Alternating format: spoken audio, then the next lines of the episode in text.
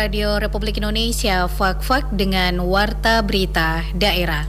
Untuk sementara pelaku kita jerat dengan pasal 338. Sebenarnya kita masih mengejar keterangannya dia juga apakah ini termasuk dengan 340 atau 339 terkait berencana. Tapi saat ini kita jerat dengan pasal 338 untuk ancamannya di atas 15 tahun. Cuman di Fak ini kami belum menindaklanjuti itu karena kami juga menunggu uh, himbauan atau surat dari tim COVID daerah karena itu semua diserahkan ke daerah lagi.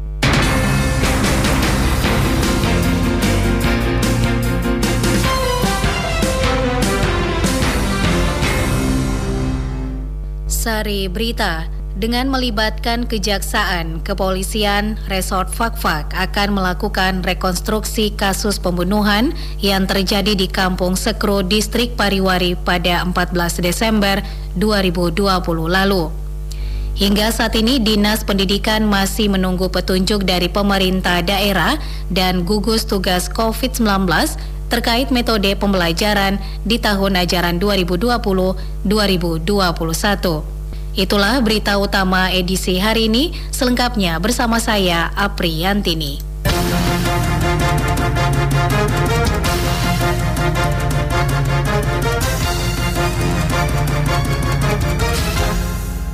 Dengan melibatkan kejaksaan, kepolisian, Resort Fakfak akan melakukan rekonstruksi kasus pembunuhan yang terjadi di Kampung Sekro, Distrik Pariwari, pada 14 Desember 2020 lalu. Berikut laporannya. Saudara Kapolres Fakfak AKBP Ongkis Gunawan kepada awak media mengungkapkan kasus pembunuhan yang dilakukan tersangka berinisial AS 28 tahun terhadap korban yang masih kerabat dekat tersangka pada 14 Desember 2020 lalu di Kampung Sekru, Distrik Pariwari telah memasuki babak baru. Kasus yang menggigirkan masyarakat Fakfak di akhir tahun 2020 ini menjadi perhatian serius penyidik Polres Fakfak di mana pihaknya telah mengirimkan surat pemberitahuan dimulainya penyidikan atau SPDP kasus tersebut ke Kejaksaan Negeri Fakfak. Kapolres mengungkapkan setelah menerima informasi pihaknya langsung bergerak cepat mendatangi TKP kemudian mengamankan pelaku dan barang bukti. Diungkapkan Kapolres pihaknya telah berkoordinasi dengan Kejaksaan Negeri Fakfak untuk melanjutkan kasus tersebut.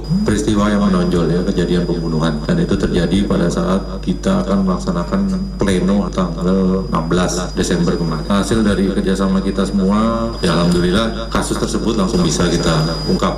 Tidak berlangsung lama, walaupun sudah terjadi itu dua hari yang lalu, tapi baru ditemukan oleh masyarakat itu sekitar pukul 6 pagi. Kemudian sekitar pukul 11 itu sudah kita ketahui siapa pelakunya. Ya, di mana kejadian tersebut terjadi di Kampung Sekru di distrik Pariwari di RT 03. Korbannya adalah Abdul Samai 51 tahun, ya, laki-laki, pekerjaannya petani, beragama Islam. Pelakunya ternyata masih ada hubungan kegerabatan yaitu Asril Samai 28 tahun laki-laki Islam berprofesi sebagai petani tinggal di Kampung Kiat RT 4 distrik Papak Barat masih kita lakukan rangkaian penyidikan kemudian kita juga sudah melengkapi bekas-berkasnya kita sudah menyita barang bukti kemudian juga sudah berkoordinasi dengan kejaksaan dan masih dalam proses kita untuk melakukan pemberkasan dan mem-P21 kan kasus tersebut. Di tempat terpisah Kasat Reskrim Polres Fakfak AKP Alexander Putra menyebutkan pada pertengahan bulan Januari ini pihaknya akan melakukan rekonstruksi guna mendapatkan gambaran yang jelas tentang kasus tersebut serta menguji kebenaran keterangan tersangka ataupun saksi. Untuk kasus pembunuhan yang sudah disampaikan oleh Bapak Kapolres terjadi pada saat pleno memang tidak ada hubungannya dengan politik. Itu penyampaian dari Bapak Kapolres, penyampaian juga untuk masyarakat sekitar Fakfak tidak ada hubungannya dengan politik sekarang yang sedang lagi berjalan. Untuk prosesnya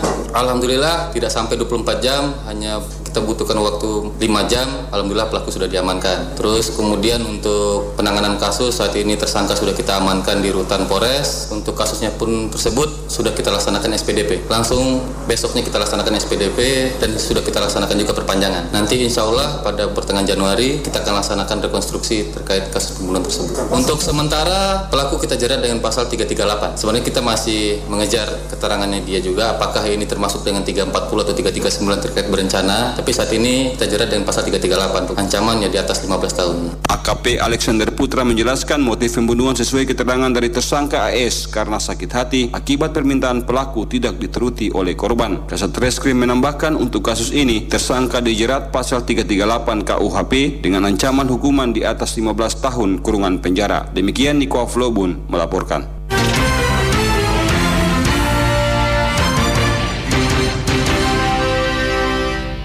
Sebanyak 62 personil Polres Fakfak mendapat kenaikan pangkat setingkat lebih tinggi. Kenaikan pangkat bagi personil Polri merupakan sebuah anugerah yang harus selalu disyukuri karena merupakan sebuah pencapaian yang dinilai cukup maksimal yang sudah dilakukan oleh setiap personil. Puluhan anggota yang dinaikkan pangkatnya terdiri dari Bribda ke Bribtu 7 personil, Brigpol ke Bribka 15 personil, Bripka ke Aibda 15 personil dan dari Aibda ke Aibtu sebanyak 4 personil. Sementara untuk tingkatan perwira dari Ibda ke Ibtu 6 orang dan Ibtu ke AKP 1 orang personil. Ketika memberikan sambutan Kapolres Fakfak AKBP Ongki Isgunawan mengatakan korps raport yang dilakukan berbeda dari tahun-tahun sebelumnya di mana tidak dilakukannya penyamatan tanda pangkat baru dikarenakan pandemi COVID-19. Dalam sambutannya,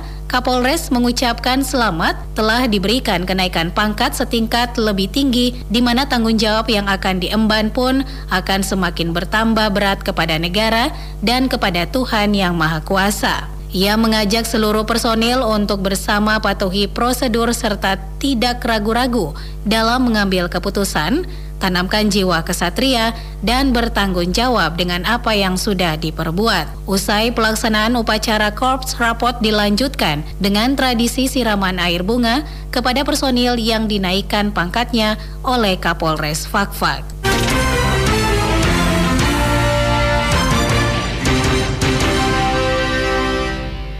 Masyarakat Kabupaten Fakfak yang hendak membeli tiket kapal PT Pelni di loket PT Pelni cabang Fakfak tidak perlu membawa uang tunai karena sistem pembelian tiketnya telah menggunakan pembayaran non tunai atau menggunakan ATM. Mulai tanggal 1 Januari 2021 hingga seterusnya, setiap pembelian tiket kapal di loket PT Pelni cabang Fakfak telah menggunakan kartu ATM atau melalui pembayaran non-tunai. Hal ini dilakukan agar para calon penumpang kapal PT Pelni tidak perlu ribet memegang uang yang banyak untuk membeli tiket kapal di mana pun. Kepala PT Pelni Cabang Fakfak Imam Trisakti mengatakan sebelum menerapkan sistem ini, pihak Pelni akan melakukan sosialisasi kepada masyarakat atau penumpang kapal, baik itu di kantor cabang maupun di kantor penjualan tiket yang ada di pelabuhan Fakfak. Dikatakan pembelian tiket dengan menggunakan ATM sangat mempermudah masyarakat di mana uang yang masuk tepat dan dipotong sesuai dengan harga tiket yang dijual serta masyarakat tidak perlu memegang uang yang banyak hanya membawa kartu ATM saja.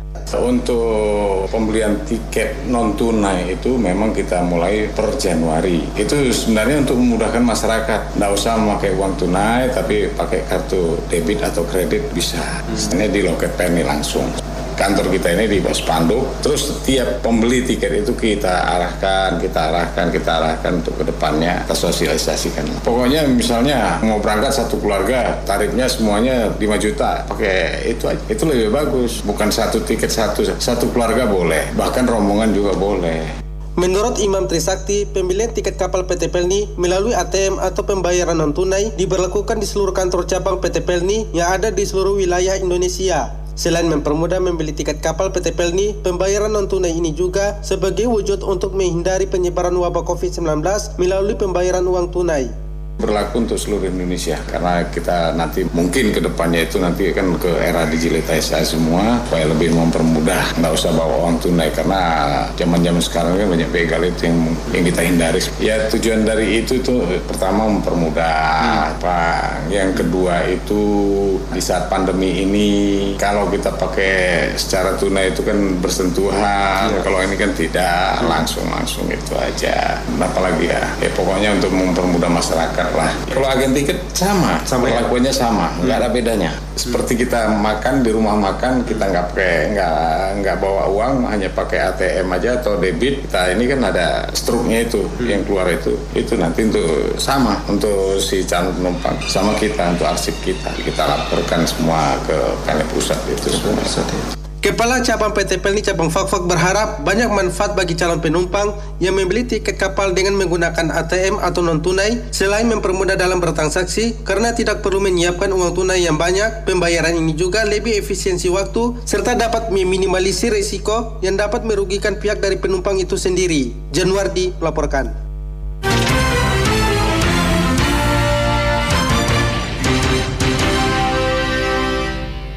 Distrik Tomage menyatakan kesiapannya menjadi tuan rumah penyelenggaraan MTQ ke-9 tingkat Kabupaten Fakfak tahun 2021 mendatang.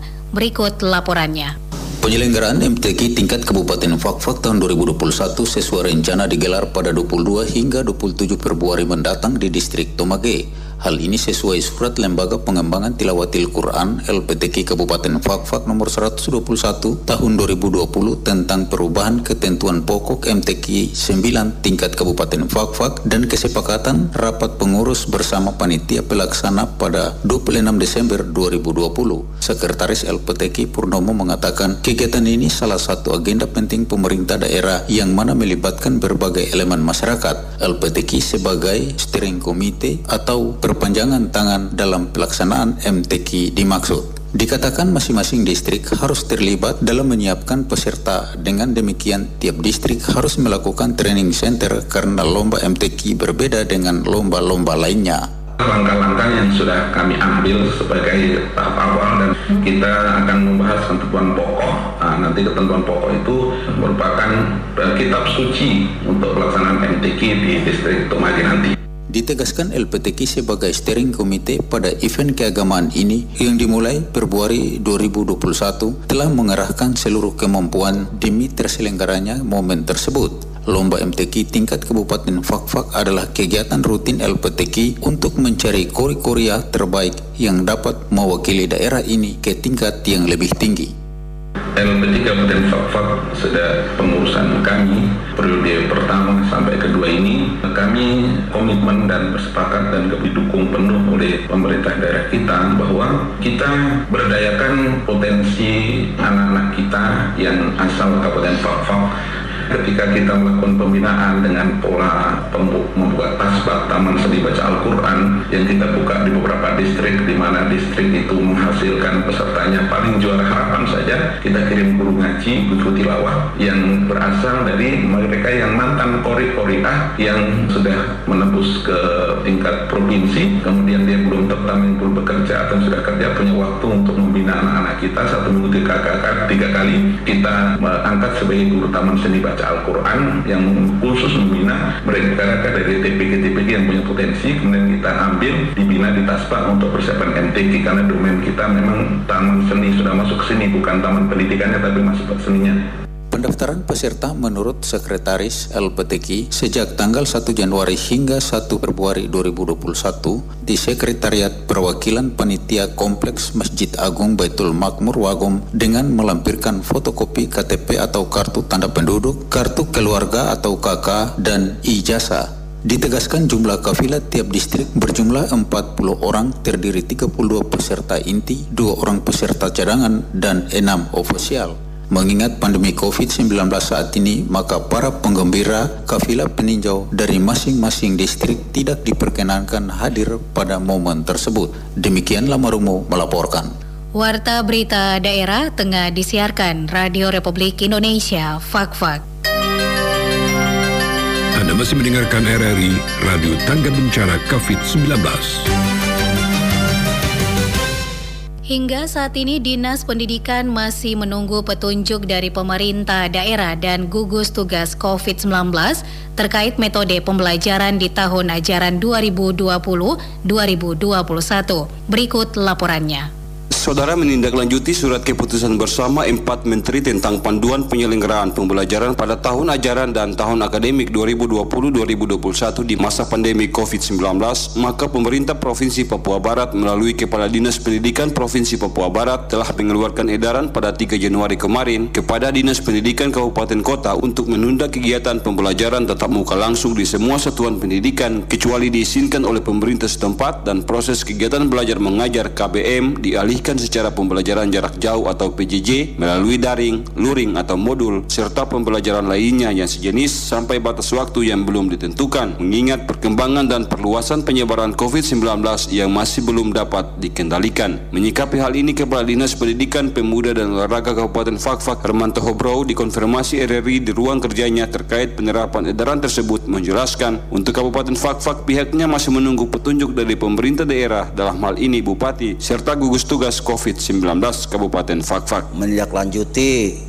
surat dari provinsi tentang pelaksanaan proses belajar mengajar di Kabupaten Fakfak. Ada himbauan. Menteri menghimbau bahwa mulai Januari kita belajar uh, normal tatap muka. Cuman karena ada edaran baru ada penyebaran COVID yang baru ini uh, terpaksa kami harus mengikuti edaran dari provinsi. Cuman di Fakfak ini kami belum menindaklanjuti itu karena kami juga menunggu uh, himbauan atau surat dari tim COVID daerah karena itu semua diserahkan ke daerah lagi jadi untuk sementara kami himbau untuk guru-guru, kepala-kepala sekolah menunggu menunggu edaran dari daerah untuk melaksanakan proses belajar mengajar. Untuk sementara kita pakai sistem daring, jangan tatap muka. Harmanto Bro menambahkan meskipun proses belajar mengajar atau PBM tatap muka belum diberlakukan normal, namun pihaknya terus memantau perkembangan setiap lembaga pendidikan yang melaksanakan PBM dengan sistem daring. Ia juga mengharapkan peran serta orang tua untuk terus memantau aktivitas anak dalam belajar dan yang terpenting adalah penerapan protokol kesehatan COVID-19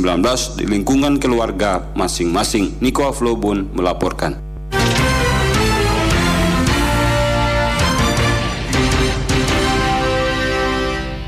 SD Impres 1 Fakfak di awal masuk pembelajaran tahun 2021 melakukan proses belajar mengajar dengan tatap muka sambil menunggu informasi dari Dinas Pendidikan Pemuda dan Olahraga serta pemerintah daerah Kabupaten Fakfak terkait proses pembelajaran di masa pandemi COVID-19. Memasuki pembelajaran pada semester genap atau di awal tahun 2021, proses belajar mengajar dibagi menjadi dua metode, yakni tatap muka dan pendidikan jarak jauh atau melalui daring. Seperti halnya SD Impres 1 Agung Fakfak, di awal tahun 2021 ini, proses belajar mengajar dilakukan secara tatap muka sambil menunggu informasi dari Dinas Pendidikan Pemuda dan Olahraga serta pemerintah daerah Kabupaten Fakfak terkait proses pembelajaran di masa pandemi COVID-19. Kepala SD Impres 1 Fakfak, Welmina Marani mengatakan, proses belajar mengajar tatap muka di SD Impres 1 Fakfak dibagi menjadi tiga sesi, dimulai pada pukul 7.30 waktu Indonesia Timur pagi hingga pukul 12 siang. Dikatakan, pembelajaran tatap muka di SD Impres 1 Fakfak dilakukan secara protokoler pencegahan COVID-19 dengan memakai masker, mencuci tangan, dan menjaga jarak. Pembelajaran tatap muka ini kami pakai sesi sampai sesi ketiga pada jam 12 nanti. Kemudian melaksanakan pembelajaran tatap muka sesuai sesi, sarana prasarana, dan lingkungan satuan pendidikan. Kemudian memastikan kecukupan cairan disinfektan, sabun cuci tangan, air bersih. Kemudian saya juga memastikan ketersediaan masker. Kemudian saya juga memastikan pengukur suhu tubuh. Itu yang suhu tubuh berfungsi dengan baik. Itu yang sementara saya lakukan kepada sekolah dan peserta didik untuk pembelajaran tatap muka.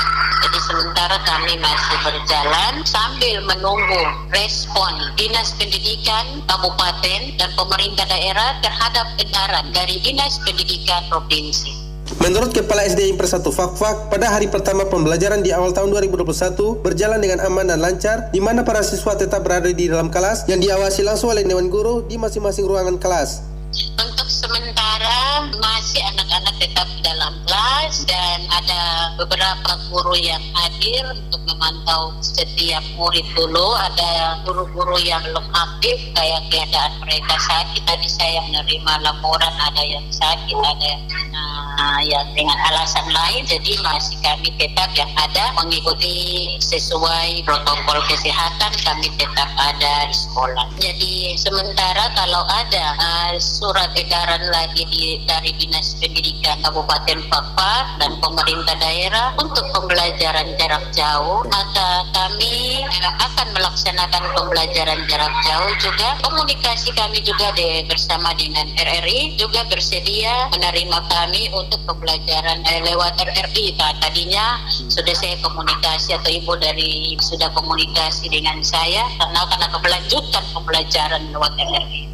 Meski pembelajaran tatap muka di sekolah belum sepenuhnya berjalan dengan baik, akibat masih mewabahnya COVID-19, ia menghimbau kepada orang tua wali siswa agar memberikan perhatian penuh terhadap anak-anaknya di rumah dengan memberikan asupan gizi dan makanan dan minuman yang baik, serta memastikan anak-anaknya dari rumah sebelum dan sesudah sampai ke sekolah tiba dengan selamat dengan terus memperhatikan protokoler pencegahan COVID-19. Januardi melaporkan. Sekian warta berita daerah produksi Radio Republik Indonesia Fak Fak.